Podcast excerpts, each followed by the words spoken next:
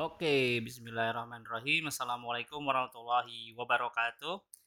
Selamat malam teman-teman semuanya, teman-teman ngalor ngidur, di mana pun kamu berada gitu ya. Ini udah ada empat orang yang standby di uh, channel kita karena hari ini tamunya spesial banget ya teman gua sama sama-sama teman komunitas zaman dulu ya. Uh, cuman beda level aja dia levelnya udah CEO gitu. uh, kalau gua masih ya masih di bawah lah gitu ya. So seperti biasa, gue akan ngobrol-ngobrol dengan tamu gue yang hebat ini. Ilmunya udah pasti banyak, gitu, pengalamannya banyak, dan mudah-mudahan teman-teman semua bisa mendapatkan faedah gitu ya dari obrolan-obrolan kita nanti, ya. Dan kalian juga bisa interaktif uh, di chat YouTube uh, yang ada di sebelah uh, kiri ya kiri ya. Atau juga di uh, di chat ya pokoknya di tombol chat. Nah boleh tanya-tanya nanti sama uh, tamu kita. So hari ini temanya tentang agile partnership gitu ya. Apalagi sih Dur yang lo bawa gitu ya. Agile partnership gitu ya with software house. Karena uh, seperti yang ada di deskripsi ya teman-teman uh, mungkin ada banyak perusahaan-perusahaan yang perusahaan-perusahaan kalian itu nggak punya tim development sendiri atau terbatas gitu ya tim developmentnya. Sehingga butuh uh, vendor dengan berbagai macam pertimbangan ya di company. Butuh vendor butuh uh, software house yang bisa membantu untuk develop produk kalian gitu ya atau uh, software aplikasi yang yang kalian ingin buat. Sehingga akhirnya oke okay, ya udah ketika ketika kita mau uh, pakai vendor gitu ya ini gimana nih kita mau agile gitu kan gitu. Nah muncullah gitu mulai apa ide ide-ide gitu atau muncullah kegelisahan-kegelisahan gitu. Eh bisa nggak sih kalau pakai software house itu kita bisa jadi agile gitu kan? Nah terus scrum masternya dari mana? Atau product ownernya dari mana gitu ya kalau pakai scrum? Nah kegelisahan itulah yang mungkin gue mau ngobrolin nih bareng bareng Ray ya. Tamu kita kali ini Ray Rizaldi CEO Gits Indonesia. Yuk kita panggilin aja kita masuk ke base Oh dia masih mau minum. Gak apa-apa minum dulu aja bro. Santai-santai. Halo halo. Halo, Rey gimana kabarnya? Assalamualaikum. Waalaikumsalam, baik alhamdulillah. Gimana Om Brut? Alhamdulillah, alhamdulillah. Di Bandung nih ya? Bandung, Bandung. Bandung, bukan Cimahi kan? Bukan. Ah, kita beda kutub. Beda kutub, kutub ya. kita kutub selatan. Bentar lagi orang Cimahi datang terus protes beda bukan Bandung eh bukan Cimahi gitu. Cimahi bukan Bandung. Oke. Bro, terima kasih banget sebelumnya udah mau datang ke channel gua yang seadanya ala kadarnya gitu ya. thank you, thank you udah diundang, Bro. Ya. Uh, soalnya gue ngelihat uh, Raini lagi berseliweran kemarin juga lagi anniversary ya gitu ya habis anniversary ya ya bulan ya congrats udah tahun berapa nih ke tahun ke 13 Wah, wow, 13. Dari 2008. Keren, keren. Kongres mudah-mudahan makin hmm. jaya di darat, laut, dan udara ya. Amin, amin. Oke, mudah-mudahan terus lanjut. Nah, uh, oke okay, tadi kan kita mau ngobrol tentang uh. agile practice, tapi sebelum itu gue mau ngobrol-ngobrol tentang tentang hmm. nya sendiri nih gitu ya, tentang gitu ya gitu. Nah, uh, lu sendiri sebenarnya awalnya tuh sebelum jadi CEO gitu ya, dan membangun Gits kan lu termasuk co-founder ya Gits Indonesia ya atau satu-satunya? Uh, awalnya kita berlima. Oh berlima, oke. Okay. Oke okay, kita coba mulai dulu. Uh, lu tuh sebenarnya dulunya apa? Software developer kah? Atau emang uh, dari dulu emang orang bisnis gitu? Uh, enggak sih. Jadi kalau mungkin kalau bisa cerita ya, Gits itu kita dari 2008 kan ya. Dari, dari 2008 uh, semuanya itu satu satu jurusan informatika ITB gitu ya informatika hmm. ITB kebetulan satu kosan semua dan satu satu kelompok tugas lah ya satu kelompok tubes gitu ya, ya. satu kelompok tubes. Dan emang kita sering freelance bareng gitu freelance kerjain kerjain uh, orderan gitu ya. Bikin web bikin flash kita kerjain bikin uh, sistem informasi sekolah kita kerjain. Banyak lah ya kita kerjain bareng-bareng dan akhirnya kita yaudah kita nabung bikin perusahaan. Dan akhirnya jadi, jadi satu perusahaan. Waktu awal sih sebenarnya ya gue masih developer terus uh, tahun berapa ya kita mulai uh, gue sendiri mulai mulai ke uh, jadi bisdev gitu tahun 2013an gue memberanikan diri ke Jakarta gitu ya karena uh, ini kalau kita di Bandung-Bandung terus proyeknya segini-segini aja terus nih gitu Ya, akhirnya gue ya, ya. gue berani ke Jakarta uh, dan di situlah ketemu sama uh, teman-teman komunitas Scrum gitu tahun Oh 2000, iya, betul. tahun 2000 berapa ya yang ngumpul di Tokopedia ngumpul di Eh, tahun 2015an 2016 ya, -an, 14 2015 nih yang lagi. ya 2015an itu uh, masih zaman ini kan ya Yahoo Group apa Google Group gitu ya ininya gue lupa Iya, deh iya, iya, iya. pokoknya ada masih masih di email gitu ya masih ramai Iya. gitu. jadi dari situ gue ngobrol-ngobrol jadi uh, title gue pas ke Jakarta jadinya Chief Business Development gitu jadi Ah, sih. pengembangan bisnis lah ya karena gue datang ke Jakarta Ya. terus uh, kenal kenal kenal uh, sebenarnya ini ini gue jarang ngomong ini sih mungkin nggak banyak yang tahu tapi gue kenal kenal Scrum atau Agile tuh gara-gara gue di interview bro. Oh, di interview buat kerja. di interview buat kerja jadi pas gue di Jakarta gue nggak bilang ke founder gue gue sambil nyari kerja ya. Masih Tahun- belum yakin dengan jalan ini ya katanya. sebenarnya waktu itu gue lagi pada ini ya pada lagi mungkin second thought ini bener gak sih kita bikin perusahaan gitu ya? Hmm. kita terus dipikir "Ah, apa iya? gitu. Terus gue ketemu lah sama gue coba apply bukan apply juga ya gue mungkin di, di di approach gitu ya. Di approach dan gue jabanin gitu gue kasih CV segala macem. Terus pas di pas gue di interview eh, bosnya nanya lo nggak tentang ejal nggak? Wah apa nih? Makanan apa nih ejal gitu kan. Terus ya udahlah eh, dari meeting pertama gue belajarin lagi terus gue ngerasa wah ini masalah gue selama ini di Gits gitu kan masalah, masalah Oh, iya. ah gue ngerasa bahwa oh iya ya gue selama ini ter ter apa ya mungkin ter, banyak masalah yang terjadi gara-gara kontrak gara-gara uh, mindset dan segala macam dan gue mikir wah ini harusnya mungkin jawaban gue ya jadi gue habis itu belajar lagi belajar lagi jadi pas ada meet up yang tahun 2015 itu gue ngerasa oh iya iya habis itu gue dalemin lah Gitu, sampai sekarang. Ah, oke. Ya, ya, ya, ya. Ya, em, jadi gara-gara itu gue gara-gara interview ya. Tapi menarik juga ya. Eh, yang lain-lain kan gara-gara kayak misalkan kemarin-kemarin tuh Dayu, oh karena pengen tiba-tiba pengen belajar ada list Scrum gitu kan. Udah mulai hit kan dulu juga Scrum terbatas ya. Maksudnya eh, apa namanya exposure-nya nggak segede sekarang gitu kan ya. Apalagi Hmm. tahun-tahun 2013, 2014 gitu ya. Baru-baru banget tuh eh, banyak yang pakai gitu ya di startup startup. Hmm. Oke oke oke menarik juga menarik. Nah terus eh berarti eh, tapi sekarang Gits itu masih di Bandung ya eh, base-nya semuanya. masih di Bandung Di Jakarta cuman eh, buat ada ada ada representatif juga di Jakarta. Ada sempet kita uh, pindah-pindah juga ya waktu Hmm. di Jakarta kita setupnya di Blora tuh di, Blora. ya ah, jadi kalau mau meeting meeting dikit agak mewah kan ke GI gitu kan Oh iya iya iya iya iya iya, iya betul. Iya, iya. Nah, terus terakhir sebelum pandemi kita di Kohive ya Oh, Nah, Kohive. Kohive. tapi sejak pandemi kita WFH total. Iya. Kohive yang bekas XL kan ya? iya betul betul Kira Excel Kantor gua dulu.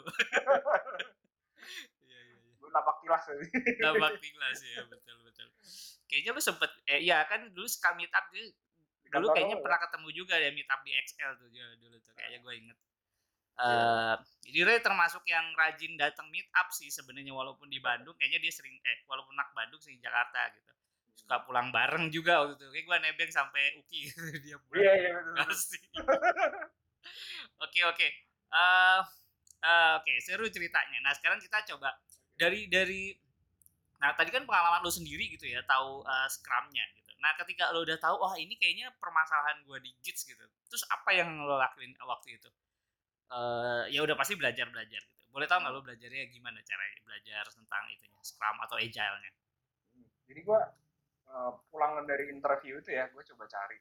Terus gue tanya lah sama, sama yang interview gue, ada nggak bahan yang bisa gue pelajarin? Dia ngasih kayak list of books gitu, gue coba cari. Uh, gue dapat buku apa ya? Uh, Agile, Manage, Agile Software Management yang yang covernya hitam ada list hijaunya gitu. Kayaknya Oke. itu banyak yang baca buku itu deh.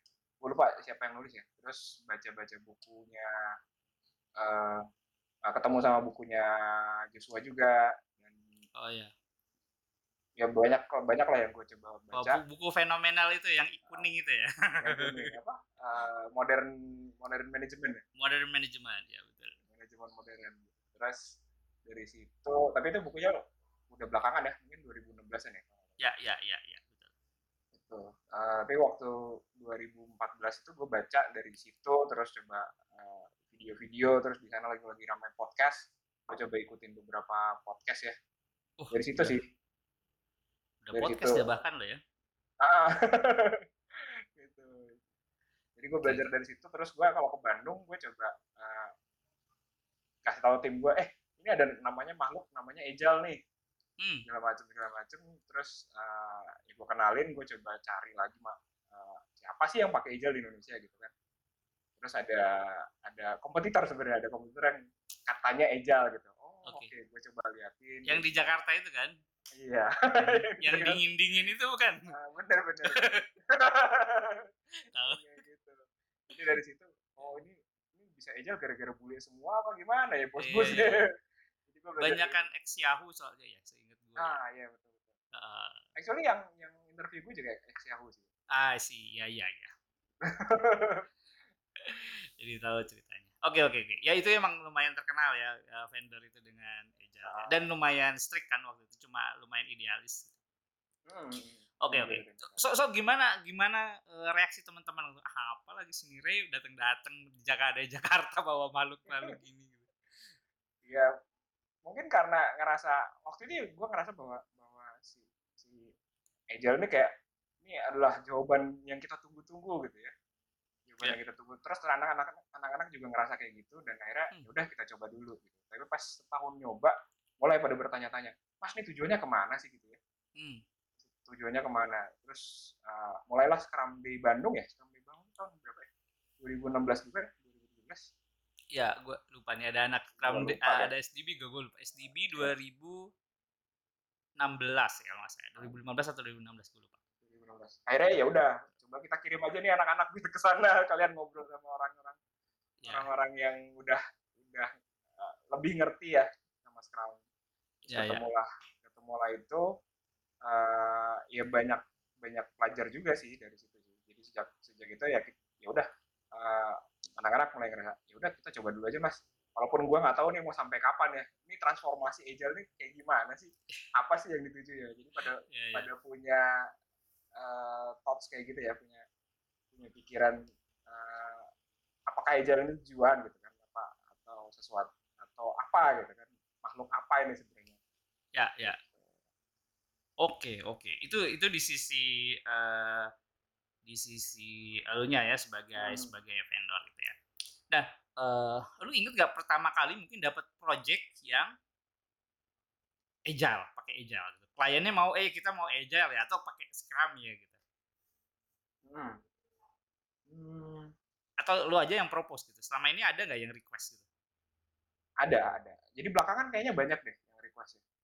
Oh, Mungkin banyak tiga- banget kalau tiga, sekarang-sekarang ya. tiga, tiga tahun belakangan kayaknya banyak sejak seram di Bandung itu jadi jadi banyak yang nanya kan Wah, sukses ya, nih berarti ya. emang, emang banyak nih sukses lah Product ownernya sukses nih SDB.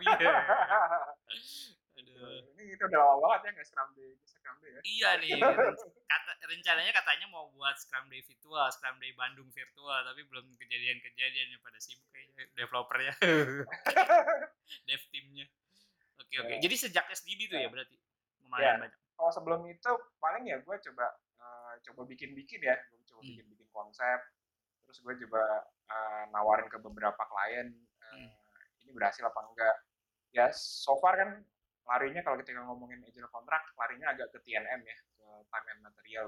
Mm-mm. gitu. Jadi eh, apa ya sebenarnya itu juga natu agile juga kan. Kalau maksudnya kalau di, di agile kita ngomongin agile contracting agile kontrak itu kayak pancasila ya antara sosialisme sama sama liberalisme gitu ya.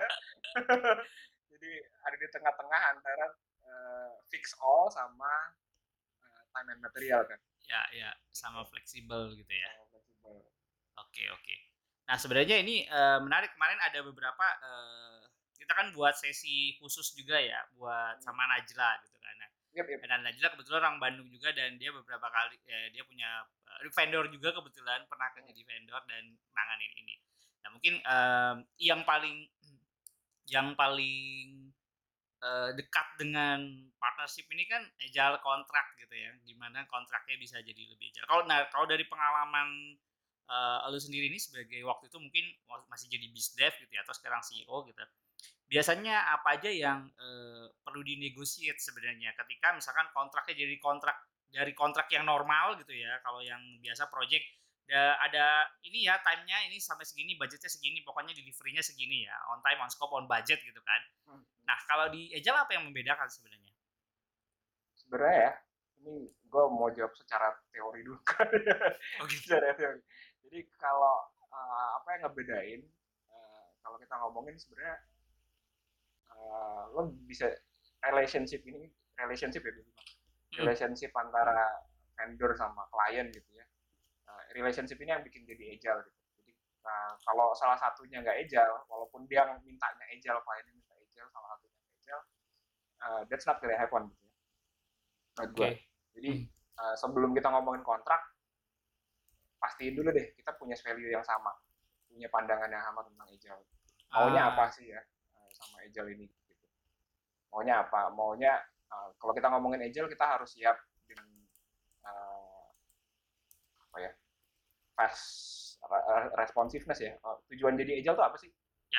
Ya. Uh, responsive to market kan ya, time to market bagian lagi. Terus ya. tujuan jadi agile kalau ada risk of failure-nya lebih kecil gitu ya. Jadi faster faster failure terus uh, lebih transparan dan segala macam. Kalau both side atau salah satu dari uh, relationship ini nggak siap dengan tujuan agile uh, nggak siap dengan tujuan tujuan agile itu atau tujuannya sangat sama gitu ya itu uh, akan isu jadi waktu itu gue pikir uh, justru itu gue learning gue ya.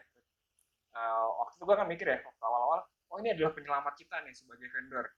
Kita ngerasa ah. bahwa agile itu adalah proteksi kita sebagai iya, vendor. yeah, yeah, yeah, yeah sampai waktu itu di Scrum Day Bandung juga kalau nggak salah Joshua nyepet tuh kan. Ada vendor yang nanya kenapa kayak gini? Ya berarti vendornya yang nggak jago. Waktu itu gue inget banget tuh panggung di, di panggung utama. Iya yang gede ya iya di panggung utama vendornya iya juga jadi uh, waktu mungkin beberapa vendor yang yang gue ajak ngobrol yang rasanya sama juga. Dia ngerasa bahwa Agile itu adalah penyelamat tim dev gitu ya atau penyelamat vendor. Sebenarnya enggak juga.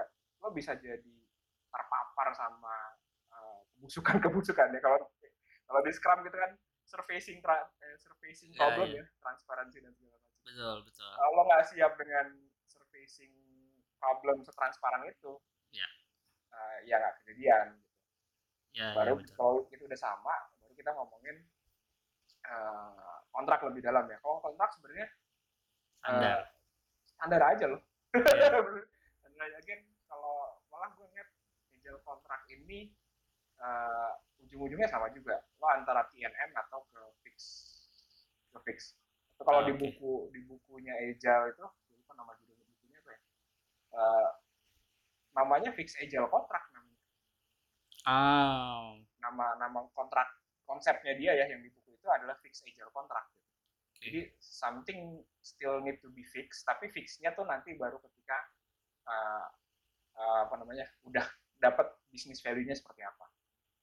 Di awal-awal lo punya punya range of uh, apa ya, range of indikatif pricing lah kalau nggak salah. Hmm. Jadi kalau lo mau jadi agile gitu ya, mau jadi mau jadi uh, mau punya relationship with vendor sama klien yang agile, ya. pastiin dulu deh value-nya sama apa enggak. Kalau enggak uh, yang satu cuma kan ada banyak juga yang yang jadi agile gara-gara bukunya Jeff Sutherland ya. Yang, yang hmm. apa tuh? Yang dua kali kerja. Oh iya iya iya. Dua. Aku uh. lupa judulnya. Uh, two times the work uh, less time apa gue lupa ada pokoknya tapi gitu uh, lo dapat dua kali value di dan dua kali lebih cepat gitu kan ya betul lupa judulnya apa ya gue cari dulu uh...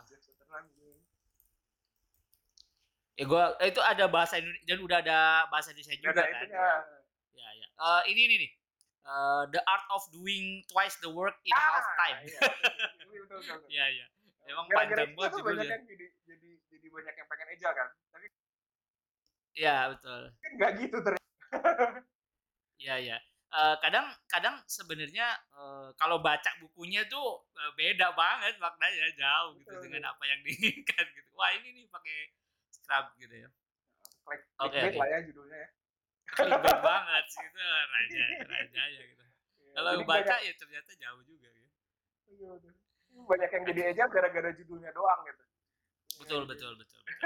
Termasuk ya termasuk ada beberapa perusahaan yang yang yang eh, yang terkenal lah yang gue tahu pakai itu gara-gara buku itu juga. Oke oke. Ya. Eh berarti yang pertama eh, kita, lo harus punya definisi yang sama ya antara vendor dan eh, klien gitu ya. Ngomongin agile, oke agile-nya sama nggak nih gitu ya? Karena mungkin kadang-kadang jadi eh, buzzword aja gitu kan. Oke, gue mau agile, mau gue mau agile pokoknya. Eh, setiap kita ada perubahan kita bisa ganti. Eh, tapi price-nya fix ya, nggak bisa ya scope-nya bisa berubah. Waduh, pusing gitu kan. Biasanya vendor yang pusing kayak gitu. Nah, kalau diimplementasi eh, agile contract yang eh, apa atau agreement yang lo pakai selama ini gitu ya. Biasanya gimana teknisnya? Apakah eh, kalau ngomongin scope gitu ya, scope-nya itu eh, bisa berubah setiap sprint gitu. Apakah lo pakai sprint gitu ya? Bisa berubah setiap sprint atau di, diomongin lagi setiap sprint? Eh, atau gimana biasanya? Karena ada beberapa yang gue tahu pakai agile contract tuh misalkan ada pakai bucket gitu kan, bucket gitu kan. Ya udah, gue gue gue taruh duit di lo 100 juta ya nanti tinggal lo lu kurangin aja setiap sprint setiap sprint yang di deliver gitu kan ada juga yang kayak gitu nah kalau lo pakai metode yang kayak gimana apakah pernah gitu dan yang mana yang lebih efektif kalau menurut lo Um, bucket itu kan ujungnya TNM ya atau kalau di Indonesia kontrak Ya. payung lah ya. Lu punya, kontrak payung betul umbrella punya- agreement ya punya agreement pokoknya gua satu sprint berapa atau satu tim sprint itu berapa. Nah, Ya. Terus kita nanti berapa sprint atau mungkin kalau di TNM berapa main days gitu. Gua pokoknya oh ya pakai main days ya satu tahun eh, sama kliennya order apa simple ya simple klien order berapa berapa ribu main days gitu ya ah terus sih tiap tiap eh, tiap sprint kita kurangin kalau ada yang sakit ya eh, nggak di charge kayak gitu hmm. Jumlah kayak gitu tapi yang mungkin menurut gua walaupun nggak kita sebut agile kontrak ya eh, salah satu yang menurut gua paling paling rame paling mungkin mendekati value-nya agile adalah ketika gue bisa ngobrol sama klien gua eh, dia planning gitu ya planning bareng sama kita oh gua tahun ini targetnya ini Eh, Hmm. target ah kita ngomongin bisnis outcomes gitu. Target gua mau user segini, mau nyampe uh, activity-nya kayak gini, jadi bisnis outcomes-nya apa, ROI-nya I apa. see I see I see Nah, ketika kayak gitu gue jadi ngerasa, nah ini nih. Walaupun dia nggak nyebut ini agile kontrak. ya, betul betul agile. betul betul Bahkan dia bilang dia nggak tahu agile menurut gue. Maksudnya Ah. buzzword agile tuh nggak bukan bukan yang dia bukan istilah yang dia pakai gitu. Tapi Ya.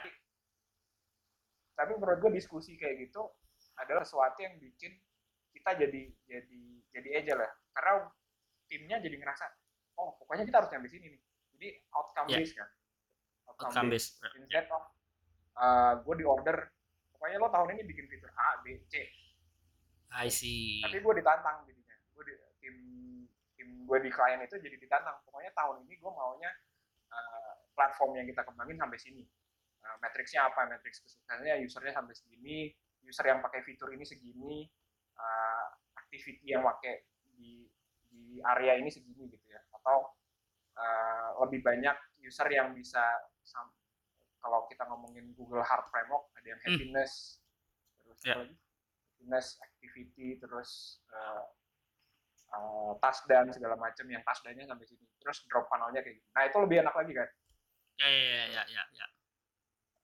Oh Kayak ya gitu. ya berarti ini fokus sebenarnya karena kalau kalau Oh. udah tahu kalau kita sama-sama tahu bisnis outcome-nya gitu ya. Jadi si both orang bisnis sama vendor juga eh, kayak punya apa namanya sense of ownership-nya juga lebih besar dan mungkin bisa justru vendor malah bisa ngasih banyak solusi oh kayaknya diginiin diginiin gitu ya karena secara teknikal kalian yang paling ngerti kan gitu ya Ya, jadinya kita jadi kepacu juga kan. Oh, gue mau bikin apa Iya. ya buat klien ini ya? betul betul Jadi, eee, menurut gue ini, eee, bener sih, bener. Itu itu yang ya sebenarnya prinsip-prinsip di Agile Manifesto-nya semuanya ke ke ini ya, ke cover gitu kan. Individual and interaction gitu, over eee, lu lu ada ada ada ada ada interaksi, terus software-nya sudah pasti working software gitu kan. Terus customer collaboration, karena ini kolaboras kolaborasi terus responding to change pasti kan. Jadi ke-cover Hmm. semua tuh ya, apa namanya, di Agile Manifesto-nya gitu ya. Itu Betul. keren juga sih itu. Tap eee, lu ada contoh kayak, eee, sukses ini sebenarnya boleh lah kalau misalkan ada produknya memang yang user base, Mhm. eee, contohnya yang, eee, lu klien yang lu bantu untuk bisa, apa namanya, eee, bantu untuk bisnis outcome-nya, nge nge-achieve bisnis outcome-nya. Mhm. Eee, platformnya mungkin boleh gue sebut ya? Gua nggak enak nyebutnya. Ya ini aja atau, Tapi bisnisnya atau apanya gitu. Salah satunya ya, salah satunya di di bidang kesehatan gitu. Kita Ah, bantuin see. kita bantuin, eee, tenaga kesehatan, terus, eee, ya dari dari kliennya, eee, yang ditargetin, oh berapa berapa healthcare professional yang join ke platform ini, terus, Oh, eee, kita mau bikin apa lagi nih yang bisa ngebantuin, eee, healthcare prof jadi metrik-metriknya seperti itu. Kita kita mau bikin apa lagi nih buat healthcare professional nih. Terus Oke. H HCP ya, eee, terus lagi ya, eee, misalnya, oh tahun lalu eee, sekarang sih enaknya kita udah multi years ya, udah jadi platformnya udah kita maintain 4 tahun kali ya, 3 tahun, 4 tahun. Oh gitu. 3 tahun 3 tahun, 4 tahun, terus, eee, jadi kita udah tahu kan metricsnya kayak gimana, ininya kayak gimana. Jadi mereka, bahkan ngebandingin, tahun lalu ongkos kita buat ngedatengin ini tuh segini, eee, bisa nggak ya kita turunin ongkos itu gitu. Oh Ongkos, gitu ya? eee, ya kalau mungkin di ini CAC ya, oh CAC kita segini nih, bisa Hmm. nggak ya kita turunin CAC? Fitur apa yang bisa nurunin CAC kita gitu. Oh gitu. Gitu.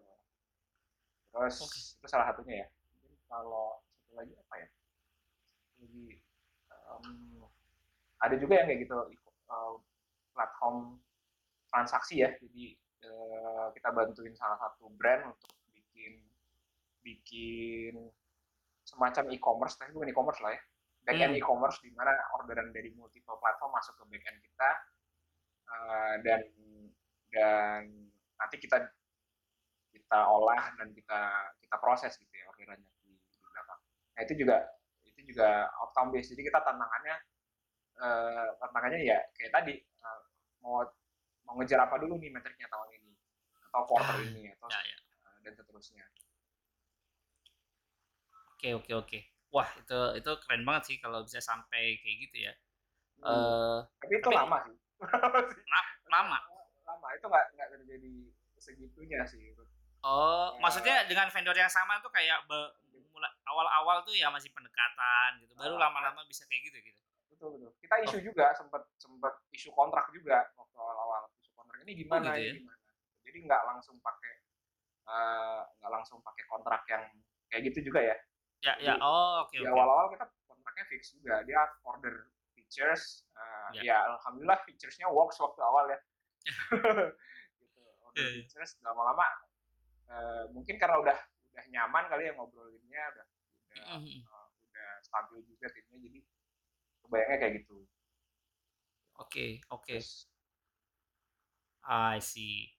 Eee, nah, per mungkin ini ini, eee, pertanyaan gua ke kalau lu sebagai vendor, lu biasanya kalau mau me membawa ini kan, eee, tadi lu, eee, bilang eh gua mungkin tanya satu dulu sebelum ke situ.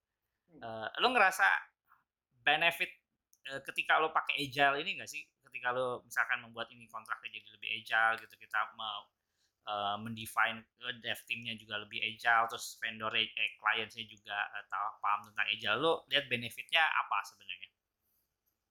Paling benefit yang paling, eee, berasa ya, eee, ya guanya naik level juga gitu. Kalau sampai obrolan kayak yang kayak tadi ya, eee, jadi jadi naik level maksudnya, jadi ke kepacu buat buat ngerti si customer-nya Oh lebih iya, lebih betul betul. ngertiin bahkan bukan cuma customer ya, customer kita ngomongin bisnis ROI, tapi kita Heeh. ngomongin end user-nya tuh, eee, End user, siapa, ya gitu. ya ya. Kayak tadi ya, misalnya end user-nya HCP, apa yang bisa kita, kita provide ke HCPS user gitu ya. Iya. Terus dari sisi technical uh, ada nah ini ada beberapa yang kita ketemu sama yang enak ya. Mungkin Hmm. salah yang kedua yang enak adalah kita ketemu sama orang-orang yang uh, technically emang emang emang jago juga ya Jago. Ya. yang jago. Jadi kita juga ketika di situ jadi biasanya kan kalau kita vendor kita dulu vendor mobile banget ya. Gimana Oh, kalau iya, mobile iya. tuh pasti nunggu API dulu kan nunggu API. Iya, iya, betul, betul. Iya. Iya, iya betul. Terus nah nunggu API ini kan kita bikin bikin berantem ya. Ya. ya kan belum dari sananya. Emangnya nggak bisa duluan? Kan udah di sprint planning, Pak. Gitu, gitu. Nah, yang enak kalau kita ketemu eh, ada kita ketemu klien yang eh, dia sendiri secara secara engineering itu juga udah agile.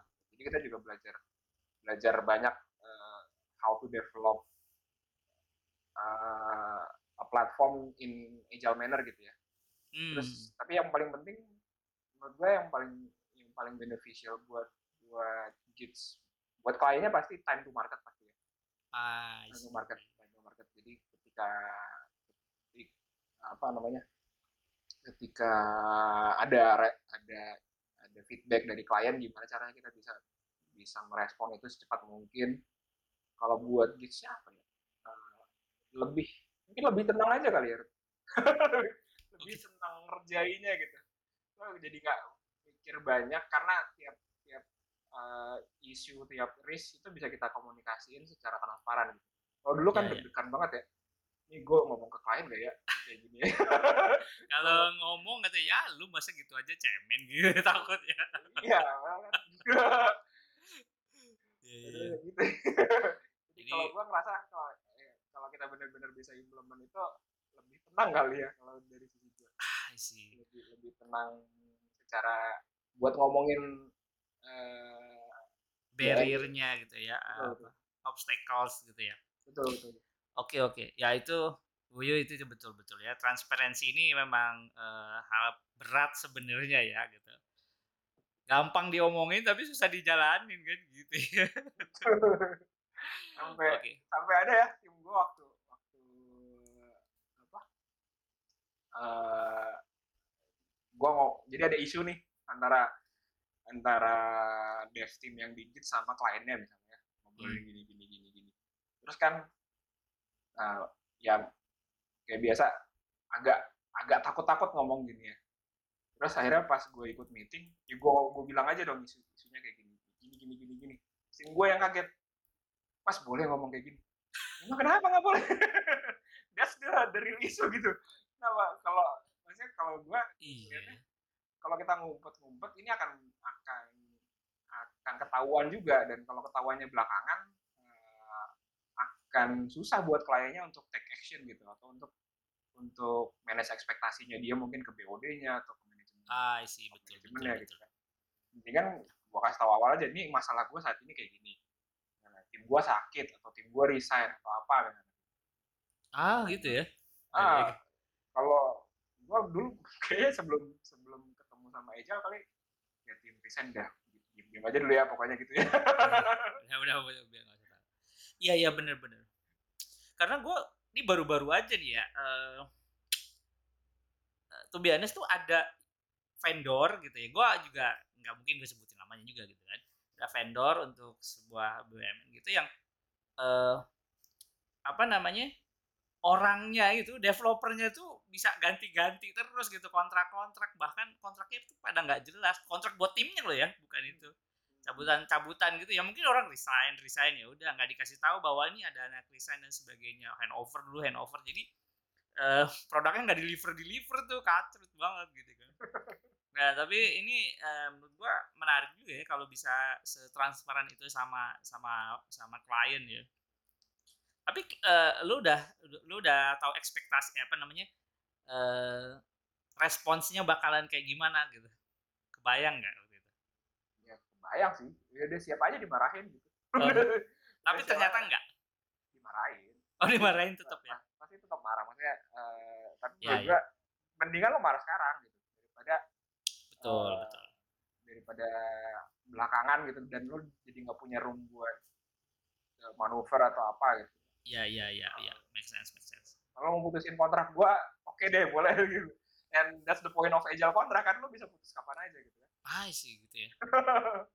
Ya bener-bener nah ah ngomong balik lagi ke agile kontrak. Karena uh, gue inget tuh bahasan uh, waktu gue uh, PSM training tuh sama Yos itu ada yang nanya juga tentang agile kontrak gitu kan.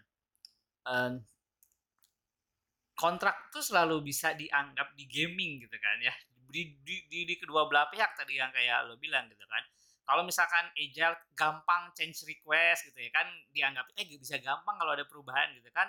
Uh, bisa jadi suffer di sisi development team gitu ya di sisi uh, di sisi vendor gitu kan. Enak tuh di sisi di sisi kliennya gitu. Tapi bisa juga di gaming misalnya uh, kalau misalkan pakai sistem bucket gitu eh yang ini nggak deliver nih gitu kan mendesnya kan udah habis tapi ternyata belum selesai jadi mendesnya lebih banyak kepakainya gitu kan jadi selalu ada uh, dua sisi yang memang bisa di gaming kan kayak gitu nah kalau lo melihat kayak hal yang kayak gini uh, kayak gimana di di di sebuah agile partnership ini? Hmm, oke, okay. uh, menarik sih itu. Uh, in real life-nya sih pasti kan akan jatuh ke kedua itu ya. Pasti akan jatuh.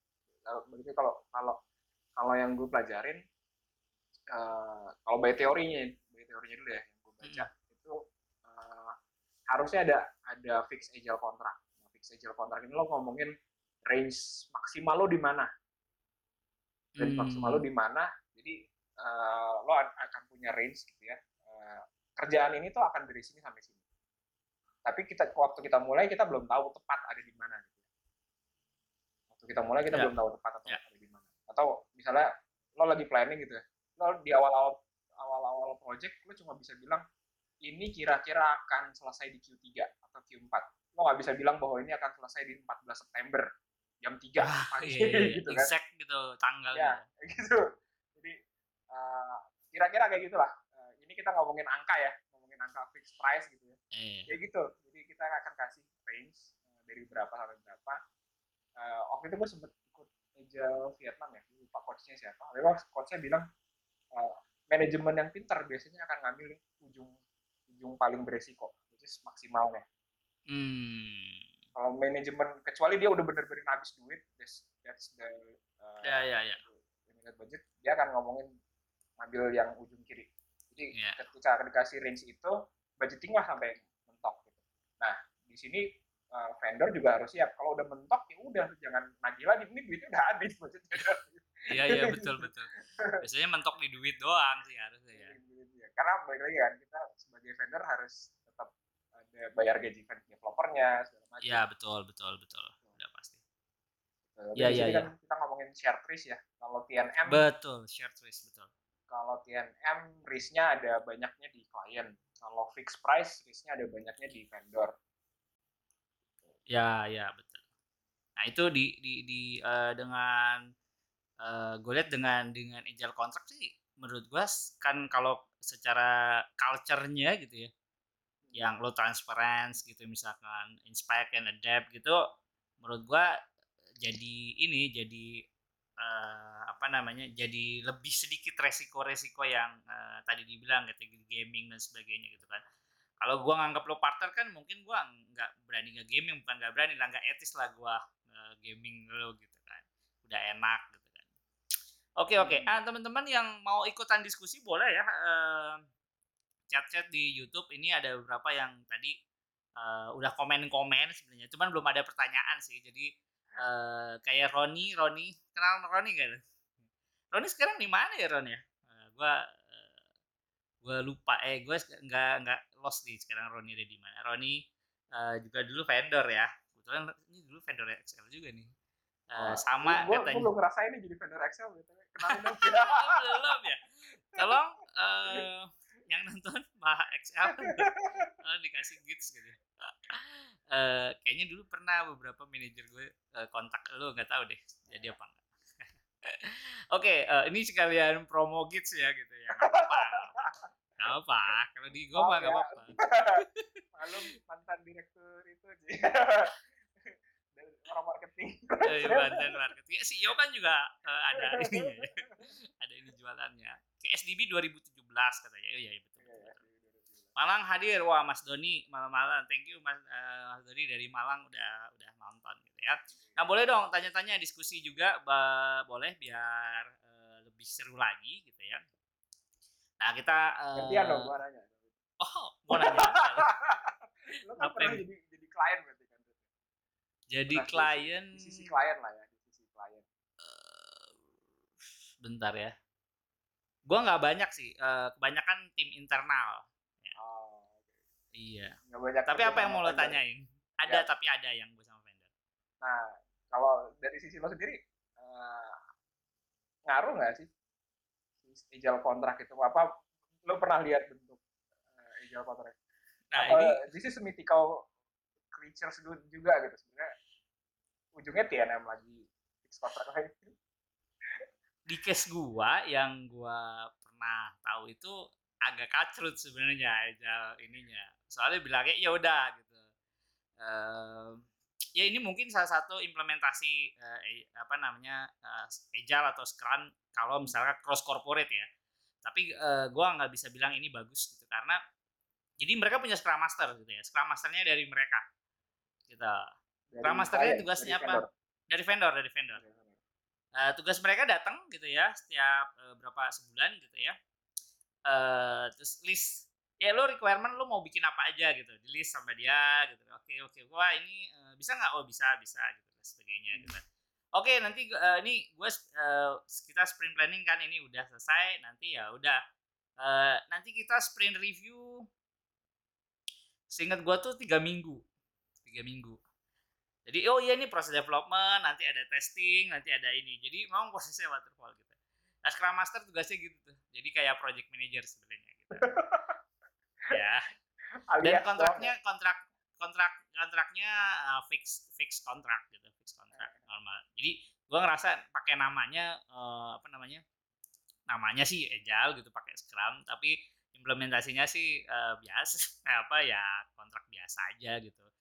Uh, dan gua rasa itu nggak nggak ideal dan lebih banyak case apa namanya lebih banyak uh, kasusnya lah daripada enggaknya gitu dan gua rasa di dua uh, bukan salahnya dia juga karena di sisi gua gua ngerasa stakeholdersnya juga belum punya pemahaman uh, agile yang yang tepat gitu.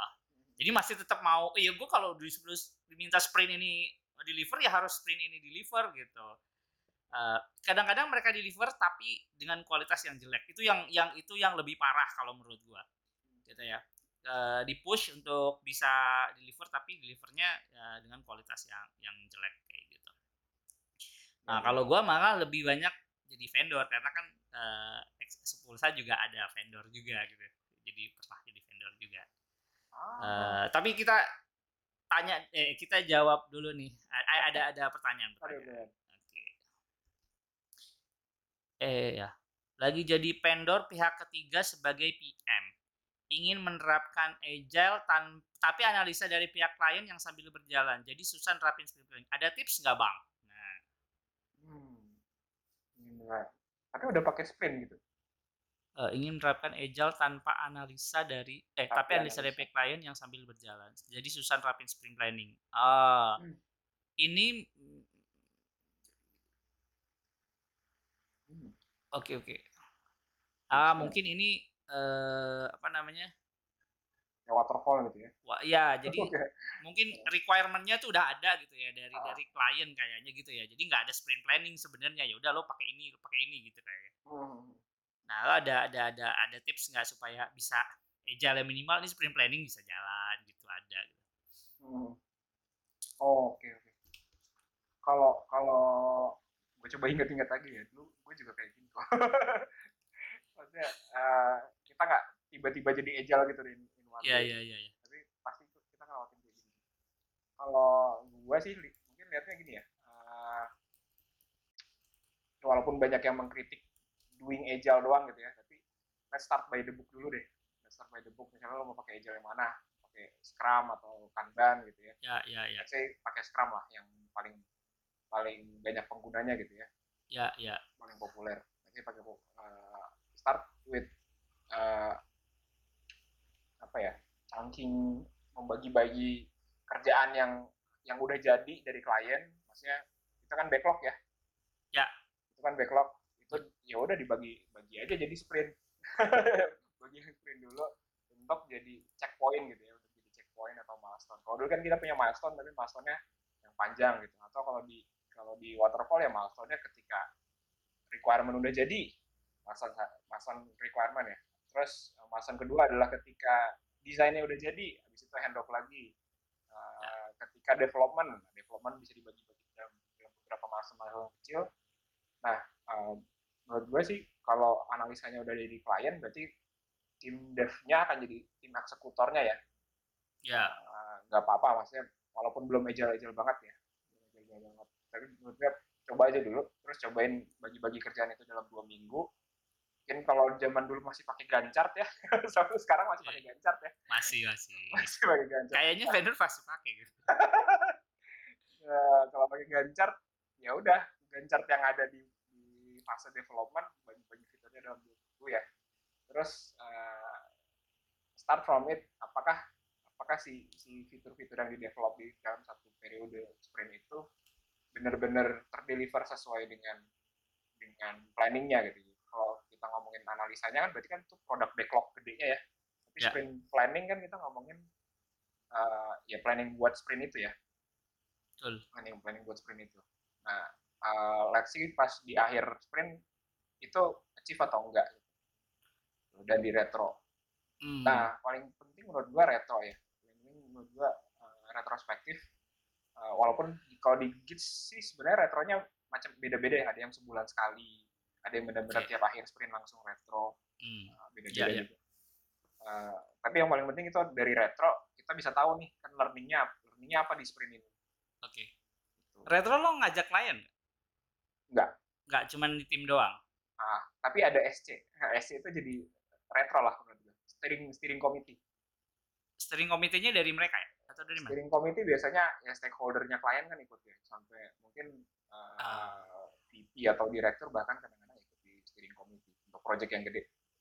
Oh iya iya yang highlighted project biasanya ya. Nah, Ya ya oke oke oke. I see. Nih. itu kan bisa jadi Ya. jadi retro ya. Walaupun namanya nggak retro sih. Ya ya mungkin evaluasi gitu atau review. gitu. Evaluasi. Kalau mau- sama BUMN namanya evaluasi gitu ya. Ah, Monef, monef. Monitoring Monef, benar monitoring dan evaluasi. Betul. Betul.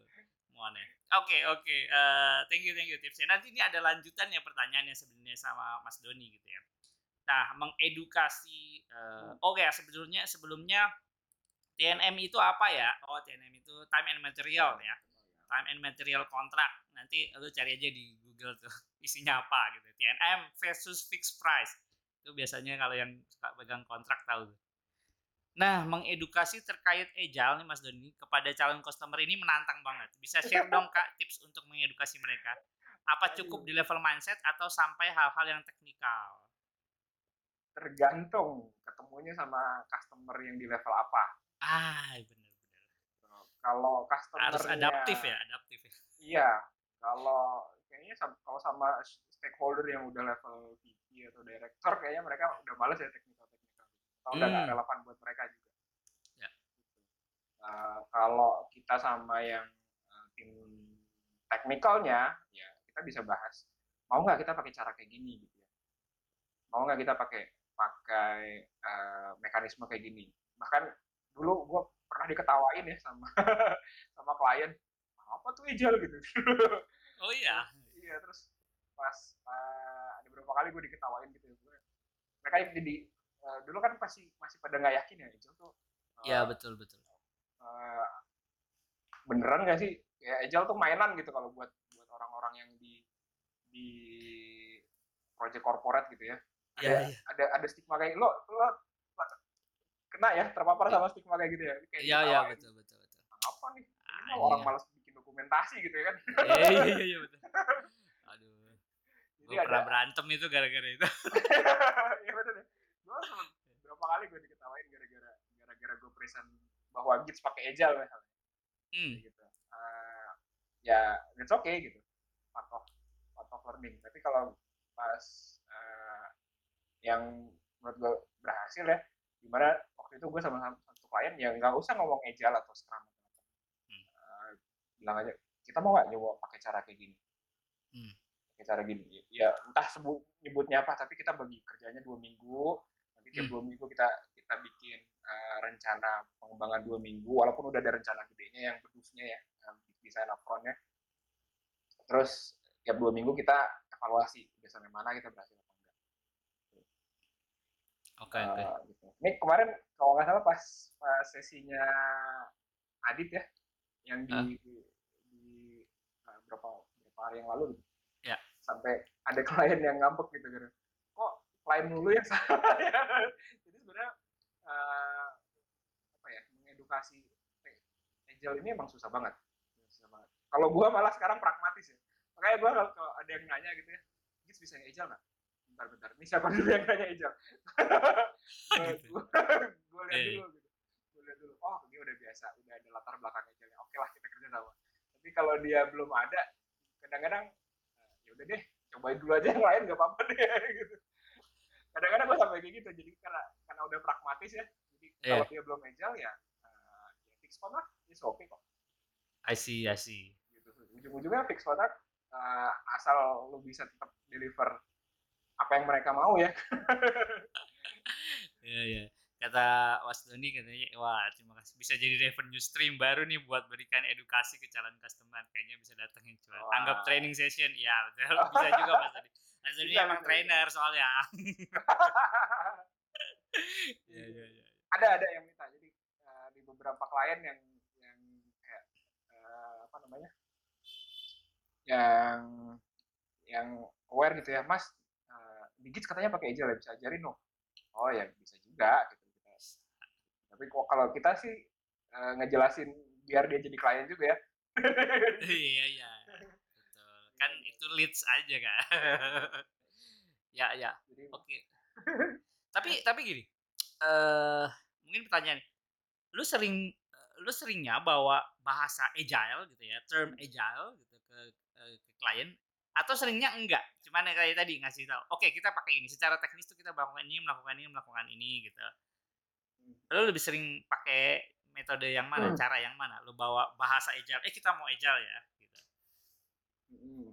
think both sih Both ya.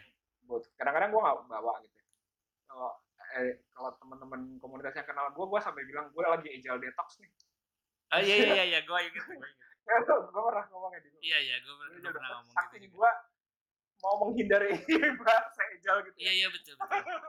gue lagi agile detox nih supaya eh, entah itu gara-gara gue trauma diketawain klien kali ya gue nggak mau bilang gue gue agile but, tapi di slide gue ada sih bahwa ini yang kita pakai ya. Nah, kita ngebawa ngebawain scrum gitu ya. Bawain scrum. Tapi nanti scrum polisnya ada banyak. Lo harus lebih takut eh, sama BTS Army ketimbang Scrum Police tenang aja. Lah. lebih galak. jadi kalau gua eh, sih biasanya kalau emang dari awalnya dia udah bilang agile gua bisa ngejelasin agile. Tapi kalau dari awalnya dia belum eh gue bisa bilang gue bawa agile atau gue juga bisa bilang eh, we have some process yang kayak gini gitu I see, I see. Nah, kita udah di penghujung eh, sesi kita ngobrol-ngobrol. ya, Ya saya- kelamaan. Nanti bisa lanjutin jagain anak juga. Eh, thank you banget nih udah udah udah cerita tentang sharing tentang eh, agile Sama-sama. di, di sisi software house gitu kan ya. Eh, nah, ke depannya harapannya apa nih buat Gits gitu ya? Eh, ada ada rencana apa buat Gits Indonesia? Nah, Pengen ngapain lagi mau bikin project apa gitu? Kali aja, nih pengen banget nih project apa gitu, atau produk apa ngedevelop? wah banyak sih ini lagi Q, Q4 lagi ya kita lagi mikir-mikir 2002 mau ngapain gitu Nah itu dia. Siapa tahu ada yang nonton terus ah udah gitu. Gitu. kalau sekarang sih kita lagi eh, apa ya lagi banyak eh, mungkin mengarah ke data ya ke Ah, data iya, betul, analytics. gitu ya mengarah ke data analytics. Jadi awalnya dulu kita kan besarnya gara-gara kita dari awal bilang bahwa Gits itu adalah mobile developer gitu. Kita adalah Android Ya. developer sampai CEO gua yang Ibnu dia jadi dev Android developer expert kan dari eh ya Google developer expert for, for Android. So kita gedenya dulu gara-gara itu gara-gara mobile developer. Terus makin di sini kan kebutuhan klien makin banyak ya. Yeah. makin ya bukan cuma mobile tapi lo akhirnya end to end gue juga end to end gue ngerasa bahwa uh, makin ke sini ya data yang dikolek dari mobile tuh banyak banget bro. Betul betul betul. Data yang dikolek dari mobile tuh wah ini kalau nggak dianalisa atau nggak di apa ya di nggak diolah ya. nggak diolah gitu ya. Hmm. nggak diolah nggak dipelajarin sayang sih. Jadi gue lagi coba uh, bangun tim data ya jadi kalau mungkin ada teman-teman yang suka sama sama hal-hal perdataan data analytics atau BigQuery kalau kita bisa pakai itu uh, BigQuery Google maksudnya hmm, oh, BigQuery okay. atau ya tools-tools big data Hadoop segala macam oh. uh, will be very welcome sih Oh, iya. ini ini developer ya, dari developer. developer, ya. developer. Jadi hopefully Boleh kita tuh. bisa bisa bantuin klien ya kayak tadi kita ngomongin matrix nih, jangan fitur mulu gitu. ya, matrix. betul. Itu paling penting sebenarnya kan. matrix apa yang mau lu tuju, Bro? Iya, iya, iya. Oke, oke. Eh, itu keren banget sih. Data memang kayaknya lagi ya, seksi kan. Katanya the new oil gitu ya.